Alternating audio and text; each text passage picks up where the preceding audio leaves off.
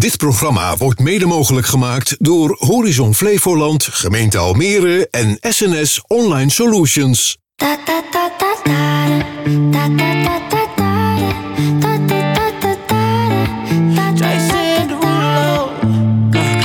skirt, skirt on your body. Performing just like my Rari. You're too fine, need a ticket. I bet you taste expensive. Pouring up, up, up, about a liter. If you keeping up, you should keep it. Tequila and vodka. Girl, you might be a problem. Run away, run away, run away, run away. I know that I should. But my heart wanna stay, wanna stay, wanna stay, wanna stay now. You can see it in my eyes that I wanna take it down right now if I could. So I hope you know what I mean say, Let me take you dancing. Two step to the bedroom. We don't need no dance floor. Let me see your best move. Anything could happen. Ever since I met you, no need to imagine. Baby, all I'm asking is let me take you dancing. Like da da da da da.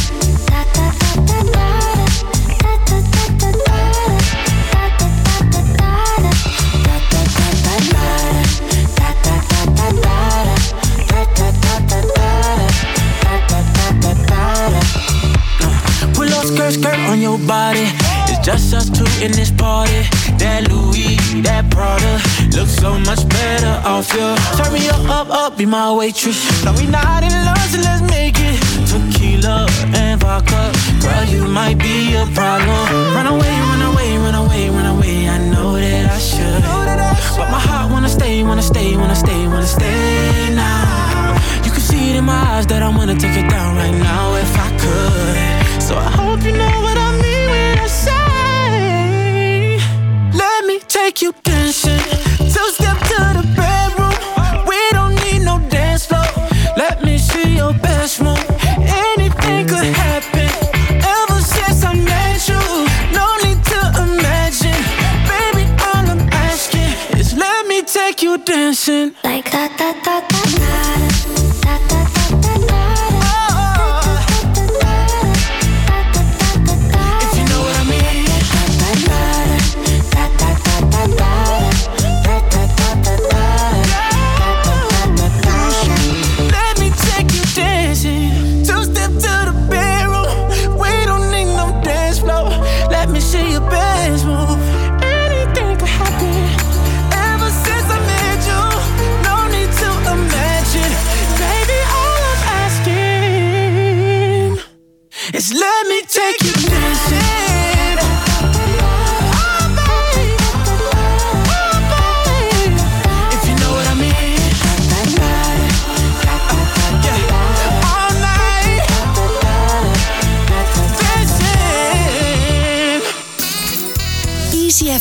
FM tegen innovatie met Ronald Tervoort. Easy FM.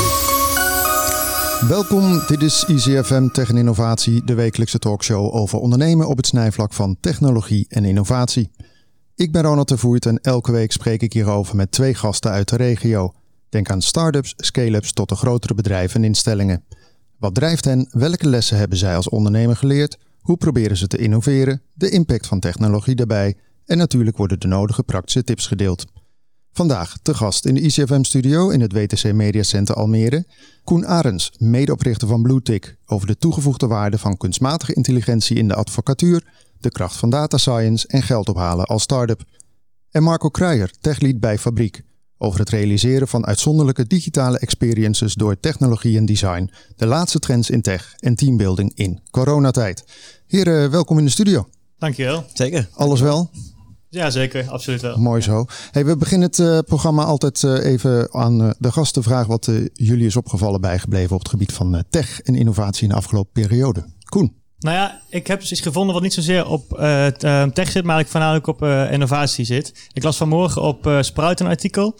en het ging eigenlijk over eh, ehm, het nieuwe werken tijdens coronatijd. En ehm, wat me eigenlijk opviel is dat Um, nou, er is dus een uh, onderzoek gedaan onder 30.000 uh, mensen die zeg maar sinds corona uh, thuis zijn gaan werken. En ik had eigenlijk verwacht dat het juist heel goed zou zijn voor de mensen en ook voor de innovatie van een bedrijf. Als je na corona zou kunnen zeggen tegen je medewerkers van joh, kijk maar gewoon lekker zelf wanneer je naar kantoor komt en wanneer niet. Dan ja, is dat beter voor de flexibiliteit. Hè? Wat die onderzoekers dus juist hadden gevonden is dat het eigenlijk juist minder goed is om te doen. Omdat het eigenlijk zou zorgen voor ongelijkheid op de werkvloer.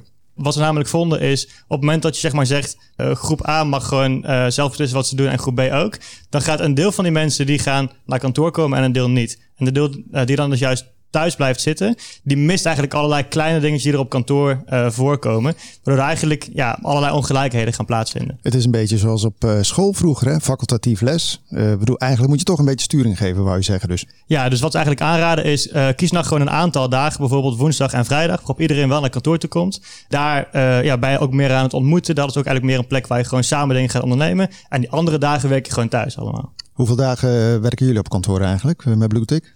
Afhankelijk of geen coronabesmettingen zijn. Uh, sommige weken werken we dus ja, gewoon allemaal thuis. Uh, sommige weken werken we twee, drie dagen in de week op kantoor. Maar niet heel veel meer dan dat. Oké, en nu het allemaal een beetje open gaat, wat is het plan en campagne bij jullie? Ik verwacht dat wij, nou, zullen zeggen bijvoorbeeld twee dagen in de week, nou gaan we met z'n allen op, uh, op kantoor zitten. Dat is ook, ook echt ja, meer dagen waar we elkaar ontmoeten. Uh, moet je ook niet de hele dag ja, gaan zitten developen bijvoorbeeld. Maar dat is ook ja, echt meer voor overleggen en dat soort dingen. Uh, en die andere dagen werk je gewoon thuis. Hey Marco, hoe is dat bij jullie geregeld bij Fabriek? Nou, momenteel is het ook uh, in, in shift, hè? dus maximaal zoveel mensen met een intekenlijst. Um, en, en, en ik denk wat, uh, wat er gezegd wordt, dat het klopt. Dat je moet mensen niet zelf laten kiezen van wil je alle dagen thuis werken of alle dagen op kantoor werken. Want sommige mensen die kunnen helemaal niet thuis werken of die vinden dat niet fijn om wat voor reden ook. Um, en ik denk wel dat je dat in bepaalde mate moet sturen, want anders krijg je een soort afbraak aan je bedrijfscultuur. En dat, daar ben ik altijd heel scherp op. Je hebt altijd mensen die proberen de, de, de leuke dingen te skippen en, en de, bij de moeilijke dingen zijn ze niet. Ik vind ja, maar dat weet je samen uit, samen thuis bewijzen van. Dat geldt ook voor werk. Dus en die cultuur, die maakt je, maakt je denk ik sterker als team. Dus ja. voor je projecten. En dan ga je voor elkaar door het vuur in plaats van over de schutting gooien als het ware. Ja, gaan we straks zeker nog verder op in. Uh, maar uh, wat ik me ook altijd nog afvraag trouwens, ik weet niet hoe het bij jullie zit. Uh, maar ik, ik werk altijd bij bedrijven of voor bedrijven waarbij je gewoon flexibele werkplekken hebben. Maar flexibel is toch vaak dat Pietje of Rietje toch op een bepaalde plek gaat zitten altijd. Maar dat lijkt me nog wel een ding als we teruggaan naar de, Daar de office. mooi over, ja. Ja, toch? ja. Hè, dan kun je zeggen van we komen flexibel, maar dan ja. krijg je toch weer, nee, maar dat is mijn eilandje. Marco, wat is jou opgevallen bijgebleven? Ja, iets opgevallen. Niet, niet zozeer uh, wat nu in één keer aan de hand is, maar wel, wat al een langere trend is. En wat ik ook al een tijdje, uh, waar ik over pieker, of ik daar iets over wil gaan schrijven, een blogartikel bewijzen van. En dat is um, wat ik een tijdje geleden met een collega besprak, is dat um, we waren artikelen aan het schrijven of gewoon een ideeën daarover. En dan ging het over, ja, en die moest dan in het Engels. En zou je dan niet een spelchecker eroverheen halen? Dan had je wel een tooling voor die dan alle, nou ja, de woorden ging hershuffelen en beter ging maken, et cetera.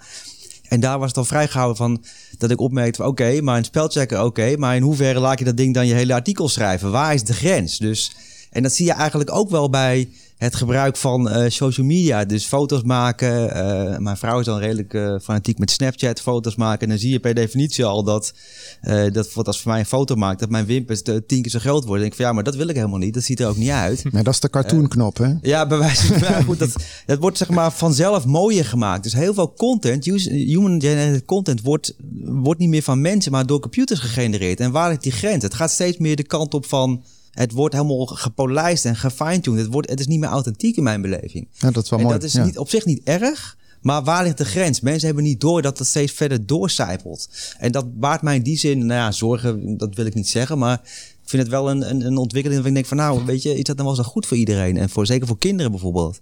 Ja, want uh, nu heb je natuurlijk Bluetooth aan tafel zitten, komen we zo natuurlijk op. Maar zij maken hè, juridische teksten onder andere doorzoekbaar. Hè, die, die laten alle fancy dingen weg en die gaan gewoon feitelijk op de woordjes, et cetera, allemaal. Maar goed, daarover meer. Maar wat jij zegt, kijk, volgens mij is het al mogelijk hè, dat een robot een nieuwsartikel schrijft. Maar Ja. dat is natuurlijk heel feitelijk. Hè? Klopt. Brand op straat X en het is geblust. Ja. Maar op het moment dat daar wat meer emotie in komt, of nou, een verhaallijn, Opinie, ja. Eh, dan wordt het wel een ding. Ja, klopt. En dat eh, zeker met ook het trollenlegers eh, uit Rusland of uit China bijvoorbeeld. Dat is ook allemaal, mensen kunnen dat nu al niet meer goed onderscheiden. Dus dat is eh, ook in het kader van, van, van fake news en dat soort dingen vind ik dat best zorgelijk. Want de computers worden slimmer en de mensen, nou, die Nou wordt het niet slimmer, misschien zelfs wel dommer uh, die, die het bekijken. En misschien is het ook nog wel eigenlijk daarboven, is het gewoon een beetje de, de verschaling hè, van de journalistieke waarden en normen, om het zo maar even te zeggen. Gewoon van dat je gewoon ja, goed nadenkt over wat je ergens neerzet. Ja. En de impact. Ja. Helemaal eens.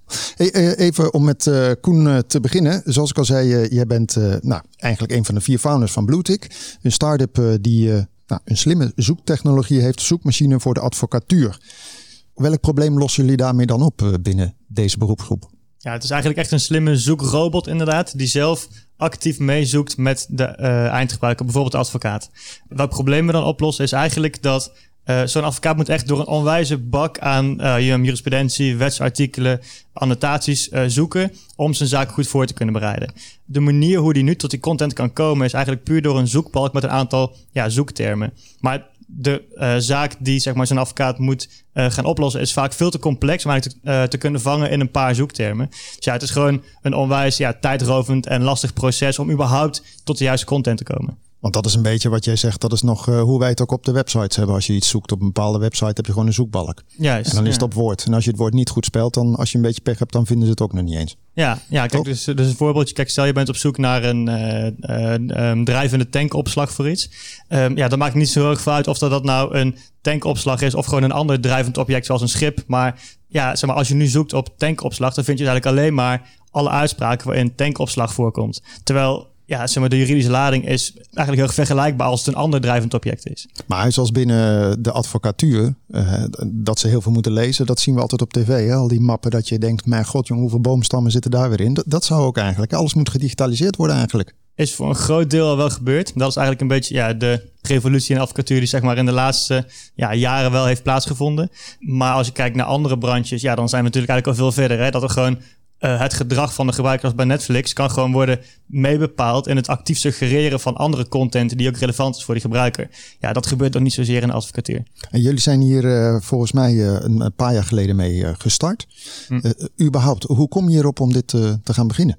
Ja, we zijn ongeveer twee jaar geleden zijn we op het uh, ja, probleem gestuurd. Tijdens onze masteropleiding uh, in Den Bosch uh, heb ik ook mijn drie co-founders ontmoet. eigenlijk wel, ja, was er daar een vak, dat heette Data Entrepreneurship in Action. En het doel van het vak was gewoon puur, joh, ga nou eens in je omgeving op zoek naar een probleem. En kijk of je daar een oplossing voor kunt vinden. Nou ja, een van mijn co-founders, zijn vriendin, is zelf juriste. En ja, zij ja, kwam dus eigenlijk met het ja, zoekprobleem, wat we dat nu noemen. We zeggen net al van de advocatuur is, is dan wel deels al gedigitaliseerd, maar er is ook nog heel veel old school. Hmm. Het is een mooie oplossing, maar dan vraag ik mij af in hoeverre is men hier ook blij mee? He, want het betekent wel dat je digitaal nog veel meer in het hart van, van je werk moet gaan zetten. Hoe, hoe valt dat bij de advocatuur? wat we eigenlijk in, in ja, de laatste maanden merken, is dat we met puur een betere zoektechnologie niet het volledige zoekprobleem oplossen. Dus om het hele probleem op te kunnen lossen, moet je ook ja, allerlei andere contentbronnen die niet publiekelijk beschikbaar zijn, ja, eigenlijk tot je techniek kunnen nemen om echt het hele zoekprobleem op te kunnen lossen. Ja, ze moeten alles digitaliseren. Juist, ja. Maar ze moeten ook eigenlijk een, een plek hebben waarin ja, ook bijvoorbeeld bronnen van een auteur die heel erg uh, gerenommeerd is in een bepaald rechtsgebied, die ze, die ze dan ook daar kunnen vinden. Dus puur de zoektechnologie aan zich is eigenlijk niet voldoende voor het zoekprobleem, maar je moet ook eigenlijk iets, iets doen met die betaalde content. Dat gezegd hebbende, uh, wat betekent dat dan voor jullie? Ja, dat, dat wij dus eigenlijk ook ons model moeten gaan aanpassen. En dat zijn we dus nu ook eigenlijk aan het doen. Dus we zijn eigenlijk nu in een soort van ja, transitie bezig. Waarin we niet zozeer meer puur focussen op die eindgebruiker. Waarin we dus niet meer ja, zelf actief die advocaatkantoren benaderen, maar veel meer kijken, wat zijn nou partijen uh, die actief zijn in bijvoorbeeld advocatuur, maar ook in de fiscale sector. En die dus al content bezitten, bijvoorbeeld een uitgever, bijvoorbeeld Kluwer is een groot voorbeeld, SEU is een groot voorbeeld. En kunnen we niet kijken, kijk, hun zoekmachines, die integreren al al die content van al die verschillende bronnen op één plek. Alleen wat zij nog niet zo goed kunnen, is die content actief suggereren aan de gebruiker. Want ze hebben gewoon dat simpele zoekbalkje nog steeds. Dus ja, wat we nu eigenlijk aan het doen zijn, is aan het kijken, kunnen we dan met dat soort partijen uh, samenwerken door eigenlijk hun zoekfunctie te verbeteren. Mm -hmm. uh, en ja, niet zozeer zelf een, een heel erg eindplatform uh, blijven bouwen. Ja, maar je bent begonnen bij de advocatuur. Hoe, hoe is het daar tot nu toe gegaan dan? Met vallen en opstaan. Uh, advocatuur is een hele moeilijke markt qua sales, hele moeilijke markt qua verandering, een hele moeilijke markt, ja. heel conservatief qua, qua innovatie. We krijgen heel erg veel uh, mensen die het aan de voorkant heel erg interessant vinden. Iedereen wil wel even testen, iedereen wil wel even proberen. Maar als puntje bij paaltje komt en men moet gaan betalen, uh, dan wordt het vaak lastig. Dus we hebben wel een aantal kantoren, stuk of tien kantoren, die nu onze technologie ook echt daadwerkelijk gebruiken in hun praktijk. Maar de potentie is vele malen groter dan de bereidheid nu om te veranderen. Ik kan me voorstellen bij jullie dat ze inderdaad graag meedoen, maar dat het aan de andere kant ook wel een beetje is van uh, wij advocatuur. Het is wel eens zelfs voorgekomen dat ze dan zeiden, ja is goed, ik wil je tour wel testen.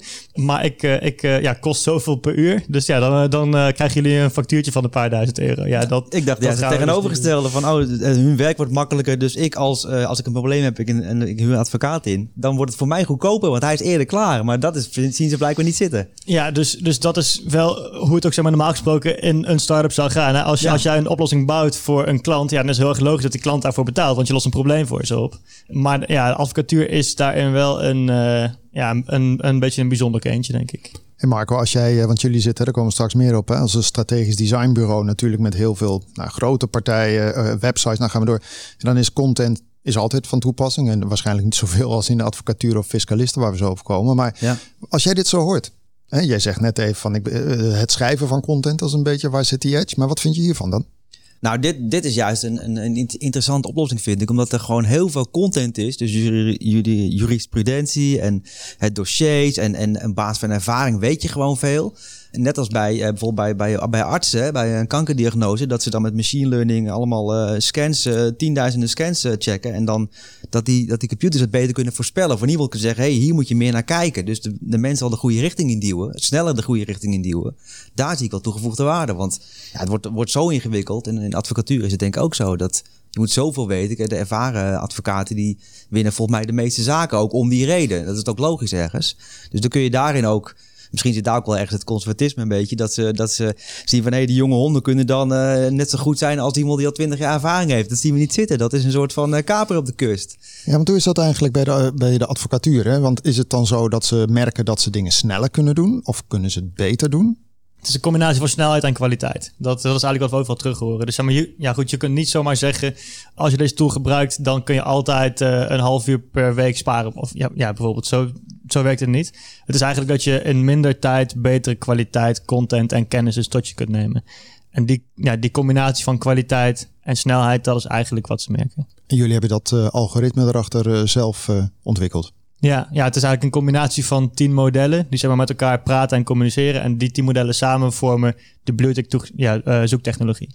Oké, en nu zit je dus uh, eigenlijk, hè, zoals zo mooi heet, uh, pivoten hè, in start-up land. Maar goed, de advocatuur hou je wel, maar je bent ook al dus naar de fiscalisten aan het kijken en naar uh, de uitgevers. Ja. En, en die fiscalisten was omdat ze al meer gedigitaliseerd zijn ook kwamen we eigenlijk toevallig via via op dat er, dat er een, een fiscalist bij ons aanklopte van hey, jullie zijn nu in de advocatuur actief. Maar ja, volgens mij is jullie oplossing ook voor mij en in mijn werkzaamheden heel erg relevant. Ja, wat we eigenlijk merken is dat we voor hen een groter probleem nog oplossen zelfs dan voor de advocaat. Fiscalisten kijken iets meer naar de toekomst, zijn iets meer bezig met anticiperen op wat gaat er nog komen. Advocaat kijkt iets meer terug naar het verleden van wat er nou gebeurt. En het is ook gewoon een, een ander type mens. Een fiscalist is ook iets, iets meer business savvy, heeft ook iets meer zelf ja, ondernemersgevoel en heb ook meer bereidheid om te investeren, uh, lijkt het in ieder geval. Maar eh, dan heb je dus de advocatuur, fiscalisten en uitgevers wat jullie doelgroepen zijn. Mm. Dat is nog best breed eigenlijk. Ja, dus advocatuur zijn we echt mee begonnen. Uh, fiscalisten ja, uh, horen nog een beetje binnen die ja, vergelijkbare doelgroep, zeg maar. En ja, we zijn dus nu een beetje aan het onderzoeken van... Hey, kunnen wij niet nou veel meer waarde creëren door zeg maar, één treden omhoog te gaan in de, in de supply chain. En meer ja, de leverancier van puur technologie te worden voor de uh, bedrijven die al een zoekmachine daar hebben staan. Ja, want jij gaf net even aan uh, uh, SDU, hè? dat is Wolter Kluwer groep is dat. volgens mij doen die vooral wetenschappelijke content. Hè? Zijn concurrenten van elkaar, was kleur. Oh, die, oh, oké. Okay. Maar in ieder geval, die zitten volgens mij veel meer op de, de wetenschappelijke uh, content hè, die, je, die je doorzoekbaar maakt. Ik bedoel, als ik terugkijk even naar hè, mijn e-commerce, dat is gewoon hè, content over e-commerce en uh, online marketing, et cetera. Ja. Want mijn vraag is dan meteen ook van, kijk, op het moment dat je dat met uitgevers, over het algemeen bulken uitgevers niet, zeg maar, van het geld om te innoveren, hoe graag ze het ook willen. Wat merk jij daarvan uh, als jij nu kijkt in de uitgeefsector? Merk je dan dat ze wel hierin willen investeren? Het ligt eraan hoe graag ze willen. En hoe graag ze uh, voorop willen blijven lopen. Ja, goed ten opzichte van hun concurrenten. En ja, als je concurrent dit nog niet kan. En je ziet wel een kans om hier uh, mee een voorsprong te creëren ten opzichte van een concurrent. Ja, dan is dit wel iets waarmee je het uh, zou kunnen winnen in de toekomst. En wanneer het echt zeg maar, een strategische keuze wordt. Ja, en dan kan iedereen in één keer wel daar ook de portemonnee voor trekken. En dit kan zowel in het Nederlands als in het Engels? Ja, absoluut. Het is, het is taal, taal onafhankelijk. Oké. Is het dan een soort van eh, neuraal netwerk, zeg maar? Dat het gewoon heel slim zelfdenkend wordt? Onder andere, ja. ja. Dus eigenlijk de modellen, ja, het is eigenlijk een soort van slimme zoekrobot. En die houdt gewoon bij eh, wat het gedrag van de gebruiker is in een, in een bepaald dossier. Dus als de gebruiker een uitspraak leest of een ander artikel leest, dan eh, ziet hij dat zeg maar als een positieve impuls. Als hij dat opslaat ook nog eens in een dossier, dan is het nog een extra bonus. Als hij daarin een stuk tekst highlight, dan is dat ook weer zeg maar extra context die het algoritme eigenlijk allemaal opslaat om te bepalen van nou, wat, wat zoekt iemand nou eigenlijk en wat vindt iemand nou eigenlijk eh, belangrijk in zijn zoekopdracht. En dat gebruikt eigenlijk allemaal om hem actief ook weer te suggereren met nou ja, andere, andere content die dan daarop lijkt. Ook- werkt het dan ook beter met, met ervaren mensen die het gebruiken? Omdat die het op een andere manier gebruiken? Dat je dan meer waarde voor je algoritme toevoegt? Of maakt dat niet zoveel uit van wie de eindgebruiker is? Ja en nee. Ja, want hoe meer je het systeem voedt, hoe relevanter ook de, eh, de suggesties worden. Dus het systeem leert ook van de eindgebruiker. Eh, maar ook nee, want je bent eh, met het gebruik van het systeem minder afhankelijk van hoe goed iemand kan zoeken. We hebben bijvoorbeeld ook bij de UvA in Amsterdam hebben we een grote pilot gedaan bij de studenten en bij een aantal onderzoekers. En daar bleek ook gewoon uit van eh, de kwaliteit van het onderzoek na gebruik van BlueTick was gewoon minder afhankelijk van hoe goed iemand kan zoeken dan bij een ander systeem.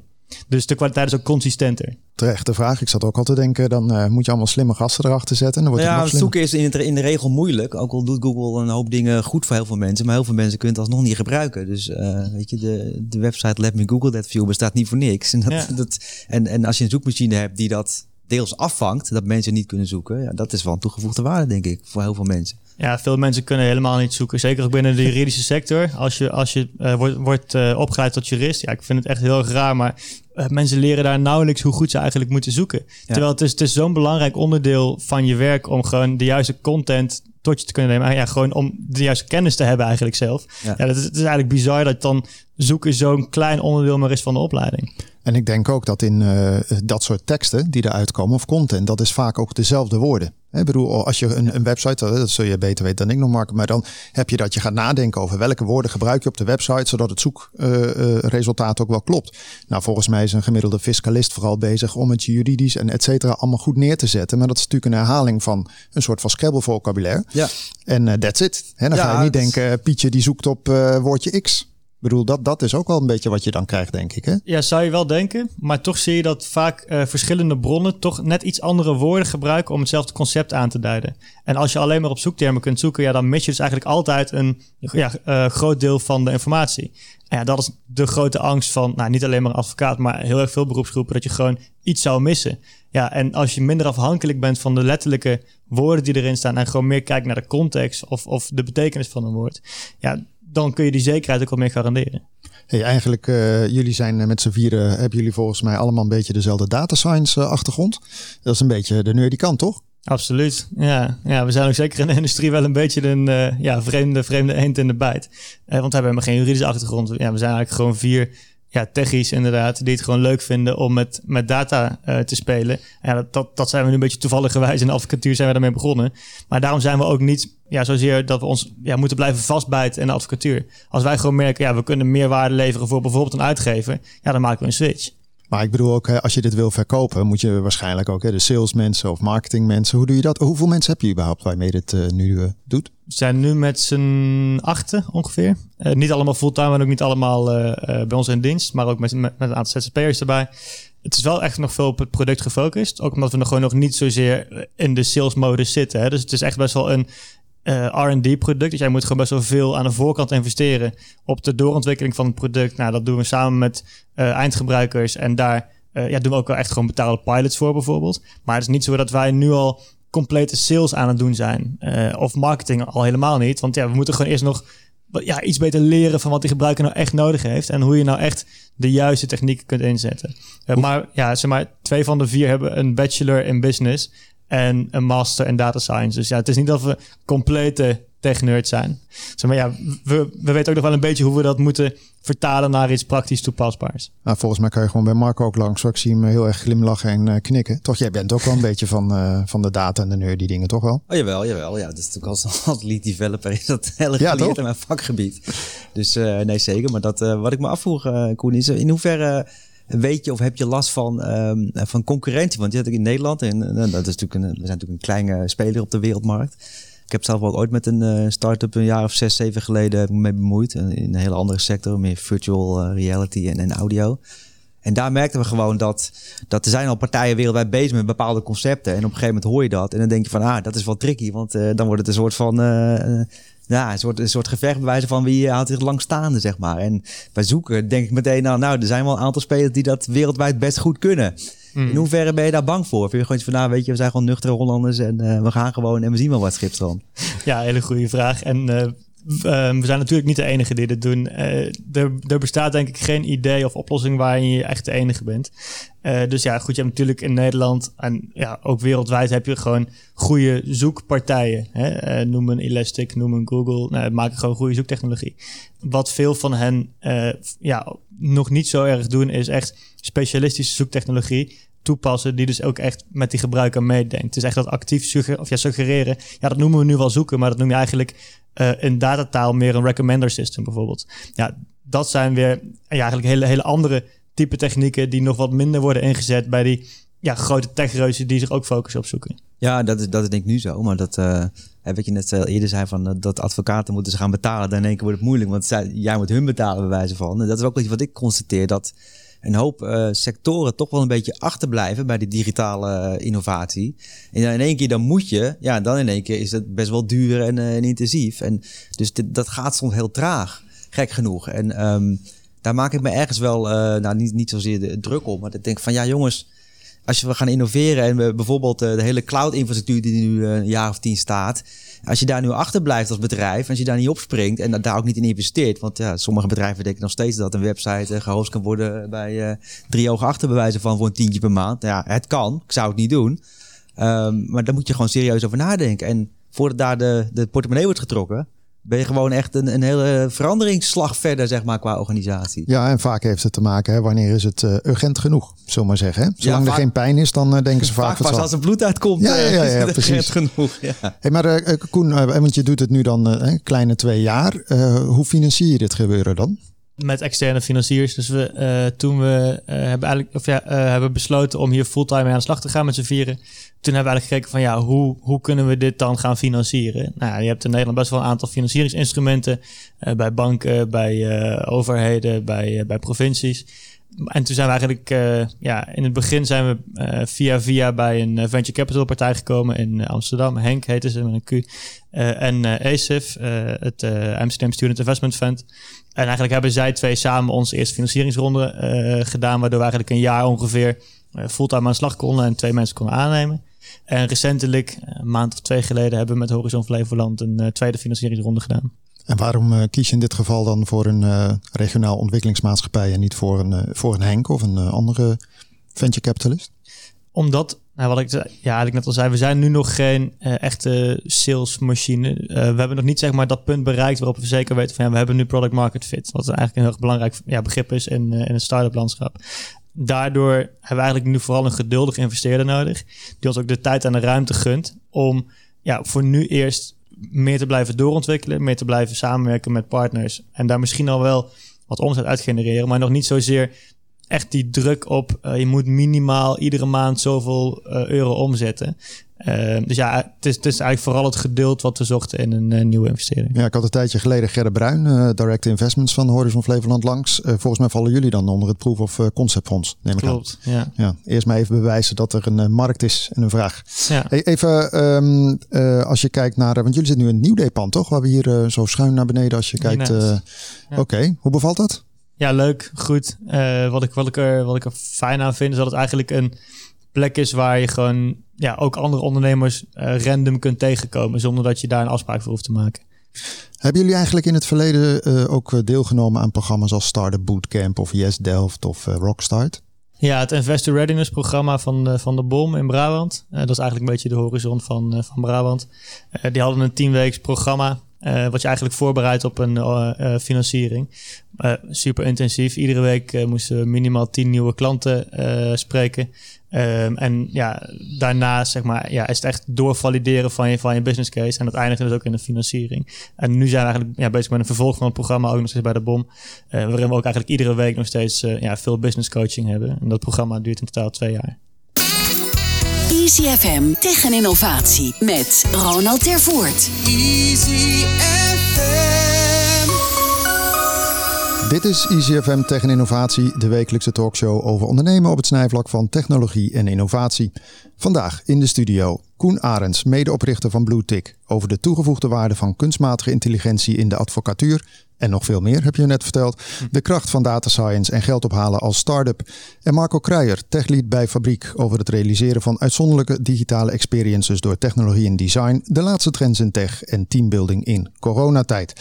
Nou, even trouwens over coronatijd, want jullie hebben dan uh, een, een, lekkere periode uitgekozen natuurlijk. Hè, want het gros van jullie bestaan uh, bevindt zich in deze gezellige coronaperiode. Hoe was dat? Ja, we weten eigenlijk niet beter. Nee, maar het is wel dat ik me voor kan stellen, iedereen is dicht. Hè? Ik bedoel, ja, het is eventjes anders uh, werken dan je denk ik had voorgesteld anno 2019. Ja, absoluut. In het begin hebben we ook echt zeker allemaal wel een dipje gehad. Um, ik zelf persoonlijk uh, wilde eigenlijk ja, voornamelijk gaan ondernemen voor het avontuur. Hè? Dus lekker op pad gaan, veel met mensen spreken, veel over de vloer bij advocatenkantoren. Nou, dat heb ik uh, iets van vijf keer mogen doen en toen, uh, toen was de boel dicht. dus ik, heb, ik heb daar zeker wel even last van gehad. Ja, dat, dat was echt niet leuk. En zeker ook in het begin toen we nog geen kantoorruimte hadden ja, ik vond het echt niet leuk uh, om in mijn eentje, zeg maar, op mijn studentenkamertje nog toen te zitten en dan daar een beetje te gaan werken de hele dag. En ja, dan, dan wel lang en hard werken. Ja, terwijl je dus zeg maar niet, ja, zeg maar, de leuke dingen kan meemaken van het, van het ondernemen. Want hiervoor zat je, voordat je het Nieuwdepand inging, zaten jullie gewoon op jullie eigen kamer, zolderkamer, huis? Uh, helemaal in het begin wel. Uh, na, uh, helemaal in het begin hadden we op de universiteit in, in Den Bosch hadden we een klein kantoorkamertje gekregen met, met vier bureautjes. Toen even een tijdje gewoon thuis gezeten. Toen in Amsterdam, anti-kraak, een, een ruimte.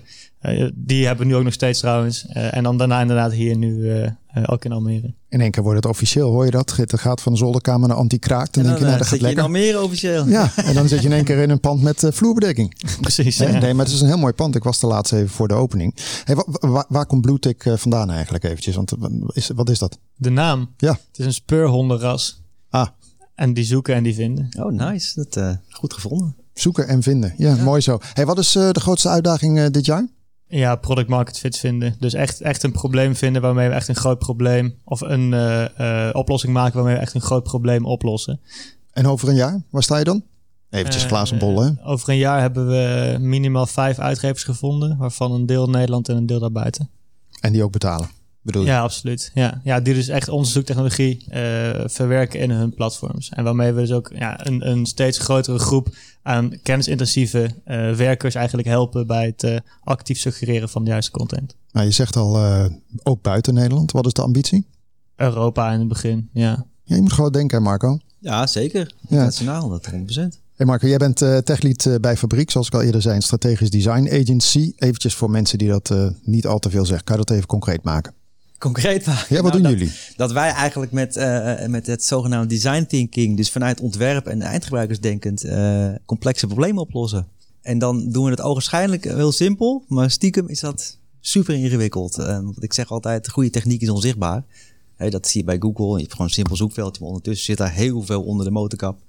Uh, bij Tesla bijvoorbeeld zie je dat ook. Dus ze verkopen auto's, maar stiekem maken ze gewoon hele goede batterijen. Dat is wat ze eigenlijk doen, maar niemand Ieder denkt, ze verkopen auto's. Nee, ze verkopen batterijen. Dat is wat het is. Uh, dus dat is ook een beetje wat ik bij fabriek eigenlijk doe. Uh, de batterij zeg maar maken. En uh, de ontwerpers maken een mooie auto. En die verkopen. En daar rijden mensen feitelijk in. En um, dat doen wij voor allerlei dingen. Van websites tot, tot apps, tot platformen, dashboards, tooling voor bedrijven. We hebben ooit voor, uh, voor een bagageafhandelingssysteem op een, een, vliegveld een heel systeem gemaakt waar mensen dat in de gaten houden, waar dan probleem nou, Dat kun je ook ontwerpen. Dat moet ook handig zijn voor die mensen. We hebben net zo goed als dat Koen dingen maakt voor kennisintensieve werkers die dingen willen zoeken. Heb je heel veel processen in bedrijven die nou, qua gebruiksvriendelijkheid gewoon wel uh, voor verbetering vatbaar zijn. Als we even kijken naar uh, de klantenlijst van uh, Fabriek, die natuurlijk heel lang is. Maar wat ik zo zag is Rijksmuseum, Ikea, HEMA, ING, Nike, Victor en Rolf. Nou goed, dat zijn namen ja. die geen betoog hoeven. Maar eventjes bijvoorbeeld over het Rijksmuseum. Want volgens mij hebben jullie op een gegeven moment die hele nou ja, inboedel zal ik maar zeggen, alle alle content die daar aan de muren hangt, uh, ontsloten op een hele nou ja, eigentijdse manier. Kan je daar iets over vertellen? Want voor mij is dat wel een aardig voorbeeld. Uh, ja, het, is eigenlijk een project geweest, uh, dat is alweer in 2013 begonnen, of nog eerder zelfs. En toen in 2014 gelanceerd uit mijn hoofd. Um, dat was eigenlijk de, de Rijksstudio, dus het, het werk van het Rijksmuseum, dus alles wat er hangt inderdaad, ontsluiten voor het grote publiek. En dat was eigenlijk het grote idee in dat project. En dat was best wel gedurfd, want ja, de museumwereld is ook af en toe wat conservatief, zeker in het verleden. En dat is heel goed uitgepakt, heeft, of heeft heel goed uitgepakt, omdat wij als je dat goed ontwerpt en mensen snappen wat ze kunnen en het is leuk en ze gaan het gebruiken en dan gaat het een soort, nou dan wordt het een soort, gaat een eigen leven leiden bij wijze van. Maar is dat, uh, om het ook daar even uh, nog concreter te maken. Ik kan me nog herinneren pre-covid dat ik met uh, mijn gezin daar was en dat mijn jongste toen de tijd negen jaar zoiets had van nou lekker, lekker gezellig hier in het Rijksmuseum. Maar die gaven we een of andere app geloof ik en die ging op zoek naar allerlei afbeeldingen in schilderijen. Nou die waren we kwijt. Ja. Dus dat is een heel groot compliment. gelukkig weer teruggevonden. Maar wat jullie gedaan hebben voor het Rijksmuseum is volgens mij dat soort dingen, toch? Dat je, dat je er echt een soort interactiviteit van maakt. Ja, klopt. Er is uh, ook een app gemaakt met, uh, nou, die is vooral dan voor, voor waar je bent en waar je naartoe kunt. Um, en, we hebben een vergelijkbaar iets gedaan voor het Museum de Laka in Leiden. En daar hebben we het nog wat verder getrokken door ook beeldherkenning toe te voegen. Dus dan kun je eigenlijk met die app een schilderij scannen. En dan gaat hij meteen vertellen met een audiotrack, in dit geval dan van een minuutje. Van hey, wat, waar kijk je eigenlijk naar? Dus context bieden. Want de meeste bezoekers van een museum, kijk, er zijn natuurlijk cultuurkennis, die gaan er elke week heen. Maar als je er één keer per jaar komt, ja, dan is het gewoon voor de leuk. Dus dan is het fijn om even zo'n bite-size uh, context te krijgen. En, en tegelijkertijd hebben we het toen ook toegepast voor wayfinding. Want ja, we, we, weten natuurlijk technisch gezien waar een schilderij hangt in het museum. Dus dan kun je zeggen, nou, u bent nu hier. Dan weet je precies waar je bent. Daar heb je geen beacons voor nodig, helemaal niks. Dat was een hele inventieve zet die we daar gedaan hebben, vond ik. Dat was, uh, want beacons, ja, dat is een interessante techniek, maar relatief onbetrouwbaar en, en onderhoudsgevoelig. Je batterijen gaan leeg, je moet over ophangen, wegwerken. Sowieso, Jent, jij bent uh, als techlead uh, bij Fabriek actief. Wat doet een techlead? Een hoop dingen. vooral ehm, technisch advies geven aan, aan allerlei mensen. Aan mijn teamleden sowieso. maar ook aan ontwerpers, projectleiders. Um, processen stroomlijnen. Complexe problemen oplossen door gewoon even simpel even mee te denken. En dat uh, geeft me altijd wel moed dat ik nog met senior developers kan sparren en dan binnen vijf minuten problemen uh, kan pinpointen en zeggen dit is de oplossing waar ze al een uur bezig waren. En dan denk je van oké, ik zit er in ieder geval niet meer in, maar uh, ik, ik, kan er wel meekomen bij wijze van. Maar dan heb jij vooral ook, want volgens mij werk jij al een enige tijd, voor me sinds 2011 heb ik hier staan. Ja, vanuit jouw LinkedIn. Ja, ja, nou dan kan er een feestje. Dan moet natuurlijk op het moment dat jullie weer open gaan, geven feestje doen denk ik. Maar dan, dan jij bent dan degene die zich bemoeit over al die assen heen van design tot coding tot hoe, hoe breed gaat dat dan? Dat gaat vrij breed, ja. Uh, dat begint al bij, bij acquisitie soms al. En bij architectuurschetsen. En, en klanten overtuigen van dat, uh, dat een designbureau... Nou goed, we zijn een design development bureau officieel. Maar uh, het wordt toch gezien als het grote designbureau fabriek nog vanuit de auto natuurlijk. Dat is toch een beetje de reputatie. En dat we dan qua technisch gezien gewoon die oplossing wel kunnen maken. En ook dat met overtuiging kunnen brengen. En daar, dat is een belangrijke rol, denk ik. Want als je daar de klant niet kan overtuigen... Ja, dan kom je niet door naar de volgende ronde of krijg je de opdracht niet. Hebben jullie eigenlijk veel concurrenten? Want we stelden net de vraag gesteld in mijn bloedtik. Maar in jullie geval, is het, uh, waar, waar zit jullie USP? Hebben wij veel concurrenten? Ja, we zitten nu in de, ik denk zo'n beetje in de top 5 van, van, van de grotere bureaus. Er zijn natuurlijk een aantal hele grote jongens internationaal. Uh, een aantal niche-spelers bij wijze van. Um, dus wij hebben wel concurrenten. Uh, ik denk, ik denk een, een handvol, hè, waar we, die we vaker tegenkomen. Maar onze niche is echt wel gewoon dat wij de, um, de atypische oplossing altijd wel verzinnen. En ook wel een beetje durven te schuren richting de klant. Dus wij vragen heel, uh, wij zijn best eigenwijs. We vragen van, ja, maar waarom wil je dit dan? Of hoezo ziet het dan zo? Of waarom is het de beste oplossing? Want uiteindelijk zien wij het ook niet zitten om iets te maken of iets te bouwen of iets te ontwerpen waar de klant niks aan heeft. Of waar we zelf niet in geloven. En heb je, eh, jij hebt een team ook eh, die je aanstuurt. Zeg je net, hoe groot is zo'n team dan? Momenteel zitten we in, uh, in, in heel fabrieken, dus in Rotterdam en Amsterdam, met 15 developers. En er zitten nu zes in Amsterdam. Uh, dus in Rotterdam zitten er iets meer. Maar wij willen wel groeien, want we zien gewoon dat de as van techniek en, en ook interactieontwerp, dat daar gewoon veel meer behoefte aan is. Omdat er juist zoveel complexere processen zijn bij bedrijven. En de digitalisering, die vereist gewoon ja, dat je daar zicht op houdt. En hoe krijgen mensen zeg maar, daar eh, meer vaardigheden in? Is dat gewoon een kwestie van uh, uren maken? Of kan je dat nog ergens uit schoolboeken halen? Nou, uit schoolboeken, ik zou het willen, maar uh, voor mij volgens nog niet. Um, ervaring is heel belangrijk, maar ook gewoon mensen die gewoon willen leren. Dus uh, daar kijk ik vaak naar bij nieuwe mensen. Zeker bij junior developers, maar ook bij, bij ontwerpers. Van hey, in hoeverre hebben die mensen een bepaalde spark in zich om nieuwe kennis tot zich te nemen. En niet te zeggen, oh, ik snap dit niet, want het is techniek. Ja, maar je hebt ook geleerd om een smartphone te gebruiken, zeg ik dan vaak. En dat is ook niet zo makkelijk. dus dat is een soort boerenverstand die iedereen wel heeft, denk ik. Heb jij ook te maken met uh, millennials of generatie Z, uh, waar toch wel vaker van gezegd wordt, als het drie keer uh, niet lukt, dan haken ze een beetje af? Die maak ik wel eens mee, maar die neem ik vaak niet aan. Nee, precies. Dus je hebt Daar nog al doorheen. Je hebt een goede keuze gemaakt, toch? Ja. ja. Oké, en, en, en, nu, en we hadden het net over coronatijd. hoe doen jullie dat dan? Want je hebt toch te maken met een creatief beroep, hè, waar techniek ja. en alles samenkomt. En vervolgens zitten we sinds vorig jaar, jullie ook, eigenlijk allemaal thuis. Ja, dat dat was best wel moeilijk in het begin. Een beetje een manier van werken vinden. Um, ik als developer heb daar niet zo heel veel problemen mee, omdat ik ook in mijn vrije tijd relatief veel op uh, een Teamspeak of een Discord ben te vinden. Dus dat soort communicatiemiddelen zijn mij uh, niet, uh, niet onbekend. Maar heel veel collega's moesten nog wel wennen aan het feit dat we gewoon elke meeting ja, met Teams deden, bewijzen van. Of met Google Meet nog in het begin. Um, dus daar moesten we heel erg aan wennen. En ook agenda management en, en een meeting naar elkaar plannen elke keer. Dat werkt op een gegeven moment niet, want dan kan je niet eens naar de wc bewijzen van. Dus daar moet je een beetje, nou, daar moet je een beetje een modus in vinden. Dat hebben we wel vrij snel gedaan, denk ik. En ik denk wat we het meeste merken, en na een jaar of wat we zien, een anderhalf jaar zo'n beetje, is dat ja, je hebt toch wel behoefte om samen te zitten in de studio, bij wijze van. Het hoeft niet de hele week, maar één of twee dagen, zeker met een team. Dan, daar heb ik in ieder geval persoonlijk heb ik daar zoveel um, nou, baat bij. Want anders moet ik continu inprikken en dan wil je mensen ook niet lastigvallen. Dus dan heb je minder zicht op hoe het gaat. Je kan niet zien dat iemand zit te zuchten achter zijn bureau of zo, waar je dat in de studio wel zou zien. Dus dat is een beetje de, ja, de persoonlijke kant of de menselijke kant die ik heel erg mis. En dat beïnvloedt in bepaalde mate het resultaat of de snelheid van eh, het product wat er komt. Vaak in uh, jullie vak volgens mij begin je de dag met uh, zogeheten stand-ups. Hè? Met z'n ja. allen eventjes een tien minuten bijkletsen. Nou, Koen die, uh, die zit al te knikken. Doen jullie dat ook? Ja, iedere ochtend om uh, 9 uur of half tien inderdaad hebben, we, hebben we een stand-up. Ja. Oh, je mag nog uitslapen.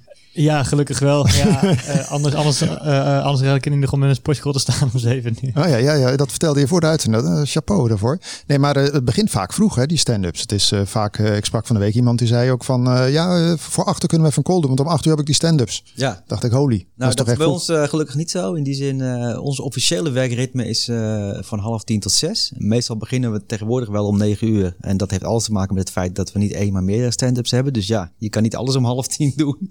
Dus ik heb er vaak om negen uur en om half tien en om tien uur ook nog wel eentje. Als dat past tenminste. En anders moet je een beetje schipperen. En um, even eventjes kort over, hè. in jullie wereld is het ook vaak bepaalde manieren van werken. Dat gaat voor een gedeelte van de mensen die het luisteren of bekijken nu misschien te ver. Maar je hebt agile, je hebt scrum, het is allemaal design thinking. Nou, dit is allemaal heel veel uh, mooie woorden. Wat is uh, de methode die jullie toepassen? Wat wij doen is, is um, scrummen officieel in sommige gevallen. Gewoon echt met de klant er ook bij en de product owner. Maar dan moet de klant ook gewoon een bepaalde bereikbaarheid hebben. En die moeten dan ook beschikbaar zijn. Wat we in de regel eigenlijk altijd wel doen, is gewoon een agile werken. Dus zeker nu. Dus dat we dus ergens een digitaal bord hebben met taken en, en, en dingen die we moeten doen. En, en uh, need-to-know dingen. Uh, dat heb je gewoon nodig voor het overzicht. Want anders heb je niks. En in de niet-coronatijd zouden we gewoon in de studio echt aan de muur een bord maken. Soms waren er wel vier of vijf tegelijkertijd te vinden in het pand. Waar gewoon een project, uh, nou, dat is gewoon een projectbord. Dus er staan gewoon dingen op. En dan weet je ook meteen de status. Door even naar te kijken. Je weet het meteen. Dat is heel fijn natuurlijk. En is dat dan het verschil met voorheen? Dat je voorheen scrummen? Wat, wat, wat is scrummen vergeleken met agile? Wat is het grote verschil? Nou, wat ik het verschil erin vind is uh, um, uh, dat bij scrum dan doe je het echt officieel met een scrum master en een product owner. En, en als je meer agile werkt, dan pak je gewoon de, de handige dingetjes van scrum. Die pak je. Hè, en die misbruik je een beetje misschien. maar je pakt gewoon de beste dingen eruit die je handig kunt gebruiken. Dus weet je, het gaat gewoon om wat werkt goed voor het project en voor het team? Ja, maar het zijn maar kleine stapjes maken, dat bedoel ik meer. Hè? Dat is dan meer het agile. Dat is echt gewoon uh, op, korte, op korte ja. termijn en sprintjes trekken. Ja, hè, klopt. Om het te vergelijken. Partijbesteding is inderdaad uh, dat je in sprints werkt en dan is het uh, drie dagen per week of vier dagen per week. En zo'n sprint is dan twee weken in de regel. en dan heb je gewoon een, een, vaste tijd en dan zeg je, nou wat gaan we in deze twee weken doen? Nou dit, denken we dat we het halen? Ja, we denken dat het kan. Nou prima. En elke dag heb je dan een voortgang en dan bespreek je de dingen hoe het gaat. dat is inderdaad in korte tijd ergens komen. Doen jullie er ook aan, Koen? Ja, daar hebben we even mee geëxperimenteerd. Maar um, eigenlijk is ons development team daarvoor nog niet groot genoeg, denk ik. Uh, dus zeg maar, het, het, het levert uiteindelijk ja, zeg maar, meer mythe op dan dat het aan voordelen opleverde. Uh, dus ja, nu hebben ze eigenlijk ook gewoon zelf een beetje ja, zeg maar, de elementen uit Agile, uit Scrum, of ja, Scrum dan gepakt, was zeg maar, ja, gewoon, gewoon fijn vonden werken. En daar een beetje een eigen, eigen werkmanier van, uh, van gemaakt. Ja, dat kan prima. Dat, uh, dat doen wij ook best wel vaak. Hoor. Soms zeggen we, oh, we gaan niet sprinten, maar we gaan wel Agile werken. Ja, prima. Weet je, als je maar gewoon afspraken maakt over hoe je het gaat doen, dat is denk ik het belangrijkste. Maar iedereen moet het weten uit het team. Hoeveel mensen werken er eigenlijk bij Fabriek? Momenteel uh, 85 op en nabij. Oké, okay. en dan, want jullie zitten in Rotterdam en Amsterdam, hè? Klopt, ja. Oké. Okay. Hey, jij woont in Almere? Ja. Woon je er al lang?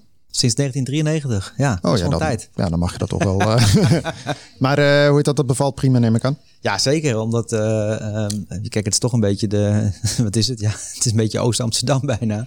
het is wel dichtbij, maar er is gewoon veel ruimte en, en dingen zijn goed geregeld hier, weet je. Openbaar vervoer, huizen zijn nog enigszins betaalbaar. In Amsterdam is dat niet te doen. En ik vind, ook, ik vind het daar zo druk. Ik vind het niet eens relaxed om daar te fietsen, bij wijze van. Ja, nou ja, ik bedoel, kijk, in Amsterdam is toerisme naar beneden. Als je niet oppast, komt de Floriade en dan komen ze allemaal hier natuurlijk. Hè? Dan uh, is het ja, weer rustig daar. Dat mag voor mij hoor. Die ja. Floriade is één keer in de 20 jaar toch, of zo. Ja. Dus, uh, Doen jullie daar wat mee eigenlijk? Of uh, dat is een leuk groot project natuurlijk. Nee, wij doen er niks mee momenteel. Nee. Hey, eventjes uh, ook uh, richting uh, techtrends, zoals ik aan het begin zei. Want jij bent ook best wel techie volgens mij ingestoken. Maar wat is volgens jou, want je hebt vaak, nou, artificiële intelligentie ging je natuurlijk bij Koen al over. maar je hebt ook dingen als voice assistant. Nou, ga maar door. Ja.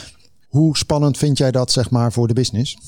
Nou, voor de business momenteel nog niet zo. In die zin, uh, bijvoorbeeld Voice Assistant, dat denk ik vooral voor particulieren praktisch. Uh, en ze zijn ook ingestoken, die diensten vanuit Google en Amazon, uh, op de particulieren, voor consumenten. Niet per se op bedrijven. je kunt ook momenteel als een, met Google Assistant nog niet eens als bedrijf zijn iets krijgen wat alleen voor jou werkt. Dat, dat kan iedereen dan gebruiken. Dus dat heeft niet zoveel zin. En op het gebied van, van AI en, en ook machine learning zie ik, wat Koen ook al zei, dat je moet het aan de man brengen, je moet het verkopen. Uh, je wil liever dat de, bedrijven het zelf vragen van ik heb dit probleem, los het hiermee op. Uh, want nu moet je het is een beetje de omgekeerde wereld. Hè? Er is nog niet echt een killer toepassing uh, voor AI bewijzen van. En, en, en ook niet voor, voor VR of AR. Dat is, dat is een hetzelfde hoekje een beetje in mijn beleving. het zijn leuke technieken, je kunt er toffe dingen mee doen. Hè? VR, AR is natuurlijk toch al een jaar of vijf de grote belofte. Nou, die is voorlopig nog niet ingelost. En ik vraag me heel erg af wanneer daar het ei overgelegd wordt van dat het, oh, dit is het. En ik denk dat het deels, ge, deels ook gerelateerd is aan, aan hardware die nog niet goed genoeg is. Zo'n bril bijvoorbeeld, dat moet helemaal ja, top of the bill zijn met 8K schermen voor je, voor je, voor je ogen. Anders is het niet immersive genoeg. Ja, en dat vergt weer de nodige in, uh, investeringen. Ja, en daar zijn, we, daar zijn we denk ik nog niet. Dat duurt nog denk ik wel vijf tot tien jaar. Ja, want als je kijkt uh, naar het uh, consumentenfront, daar, daar begint het ondertussen wel. Hè? Als je kijkt naar ja. de IKEA of de Lidl en dan krijg je een slimme lampen. En je krijgt allerlei technieken door elkaar heen. Dat lijkt me ook wel weer onhandig. Maar doe je daaraan? Ben je zo'n experimenteren? Ja, dat, dat doe ik af en toe wel thuis. Ja, in die zin, ik heb een zo'n slimme speaker thuis van Amazon. En die heb ik geknoopt aan allerlei lampen en verschillende uh, fabrikanten ook. Want je hebt een IKEA-lamp, je hebt een, een lamp van, uh, van Philips, de Yui. En je hebt ook dingen van uit China. En die werken allemaal niet met dezelfde hubs. En dat is hartstikke vervelend, vind ik dan persoonlijk. Ik las laatst ook dat ze de Zigbee-protocol gaan ze weer omdopen naar iets anders. En dat is dan een protocol waarmee die dingen met elkaar praten. En er komt nu weer een nieuwe standaard. Ik denk van, hé, hey, er was toch iets? Dus ook daar zijn ze nog niet over uit, over de standaardisatie van dingen. Maar thuis doe ik daar heel veel mee. En juist ook om het plat te slaan. Dus gewoon eigenlijk, uh, nou ja, eigenlijk als gewoon zelf op een Linux machine aan elkaar knopen. En dan met een, met een eigen gateway ervoor. Want dan kan ik gewoon overal mee praten. Maar dat, dat is gewoon voor de leuk. En uh, wat ik heel grappig vind is dat bijvoorbeeld de kinderen die zien zo'n zo'n speaker of een robot gewoon echt als een, een entiteit, een deel van het gezin eigenlijk. Dat is heel bizar om te constateren. Maar wat doen ze dan vooral? Vragen naar het weer? Of, uh... Nou, eerder vragen om scheetgeluid of zo. Maar dat, oh. uh, dat is, uh, dat is dus mijn dochter van vier, die, die heeft een dikke pret mee. Maar dus, over het algemeen worden die dingen volgens mij vooral gebruikt. Het was het nieuws, weer en uh, muziek, ja, toch? klopt. Ja. Hey, als je even nog naar jouw werk, waar ben jij het meest trots op? Dan moet ik toch wel zeggen op de vakprijs die ik in 2017 gewonnen heb voor Best in Technology, de Dutch Interactive Award. Oké. Okay. En dat uh, was vanwege een bepaald project? Of, uh... Dat was vanwege het NMM-project, het Nationale Militair Museum, wat wij in uh, 2014 uh, gelanceerd hebben. En dat was een, uh, die zin atypisch project. Komt ook niet vaak voorbij, omdat het een heel nieuw museum was. Nou ja, nieuwe musea komen er zelden bij. Maar in dit geval was het een fusie van meerdere andere musea. En dat was een heel nieuw pand, op een nieuwe locatie. En alles nieuw, de hele collectie ook. Uh, interactive, dus zuilen in het museum, spelletjes, informatie, app, website. Nou, you name it, dat, dat ging best ver. Uh, en dat allemaal elkaar kan zien te knopen in een bepaalde tijd. Want er zitten zoveel partijen bij. Hè? Mensen die hardware leveren. Dus dan moet je denken aan schermen, touchscreens die dan hufteproof moeten zijn. Maar ja, die zijn voor een eindgebruiker niet per se het fijnste. En dat soort spanningsvelden speelde daar natuurlijk. En daar moet je dan uh, als techlead ook een soort in mediëren op een gegeven moment. Tussen designers en leveranciers en, en de klant ook nog.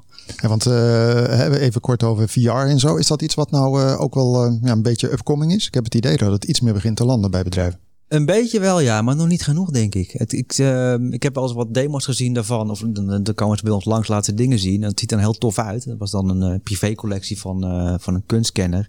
En dat kan je dan met zo'n bril kan je bekijken. Maar als je dan hoort hoe lang ze ermee bezig zijn en, en dat je nog zo'n kast van een computer erbij nodig hebt. Ja, denk van, nou, dan zijn we er nog niet om dat soort ervaringen aan te bieden. En uh, autofabrikanten doen het volgens mij, weet je. Dan kan je in een auto stappen en zien hoe het eruit ziet met jouw kleurbekleding. Daar vind ik het nuttig. Maar ja, dat is wel een, wel een niche nog steeds natuurlijk. Ook een beetje wat je eerder zegt eigenlijk. Hè? De business case of de ja. feature killer is uh, nog niet helemaal. We zijn uh, richting het einde van het programma. Dan gaan we altijd eventjes nog uh, de week inkijken. Even om te beginnen bij Koen. Waar verheug jij je op deze week? Aanstaande vrijdag geef ik een uh, gastcollege aan uh, Universiteit Leiden uh, voor een aantal beslissers van juridische organisaties. waarin ze eigenlijk ja, goed, een, een, een soort van ja, use case gaan, gaan oplossen met onze zoektechnologie. Dus dat, dat vind ik leuk. Ja. eigenlijk lead generatie toch, hè? Ik bedoel, dat is een mooie. Kunnen ze zich daarvoor inschrijven? Nee, nee, het is geen, geen, geen open programma. Het is een onderdeel van een, van een bestaande cursus. Ja. En uh, jij, Marco, komende week, waar uh, verheug jij op? Nou, ik verheug me op uh, de uitslag van een, van een pitch die we onlangs gedaan hebben. Van een presentatie ervan voor een, voor een heel groot museum. Een technisch museum in Boston in Amerika. En dan oh. weet je wel wat ik bedoel, denk ik. Ik mag de naam niet zeggen. Maar daar zijn wij in de race voor een tof project om te doen. Wauw. Doen jullie veel in het buitenland eigenlijk? Best wel veel, ja. In Griekenland, Amerika, Duitsland, België, Frankrijk. Niet, niet continu, maar we doen daar wel projecten. Ja. Ja. En jij bent nu techlead. Wat, wordt, wat, wat ga je nadoen? Ik wil uh, ooit technisch directeur worden, CTO. Nou, dat lijkt me een heel mooi streven. hey, dank jullie wel, Koen Arends, medeoprichter van Bluetick en Marco Kruijen, techlead bij Fabriek. Jij bedankt voor het luisteren, dan wel het meekijken via onze podcast op onder meer Kijk Almere en het Kan in Almere Techplatform online. Wil je onze berichtjes sturen of heb je nieuws op het gebied van technologie innovatie? Mail dan naar redactie.icfm.nl. Straks om 10 uur is Rosa Gia met Soul en R&B. Tot die tijd kun je genieten van jouw relaxe muziekmix hier op ICFM. Graag tot volgende week. Het is al laat, maar ik kan wel komen. De tweede bel, dan de trap naar boven. Je weet dat als ik voor je sta, dat ik voor je ga, dat ik alles doe voor jou. En wat ik in je ogen zie, doet mij verdriet, dus stil maar. Als de wereld stopt met draaien en je hart alleen maar bloedt, leg je hoofd maar op mijn schouder. Alles komt, alles komt, alles komt goed. Als je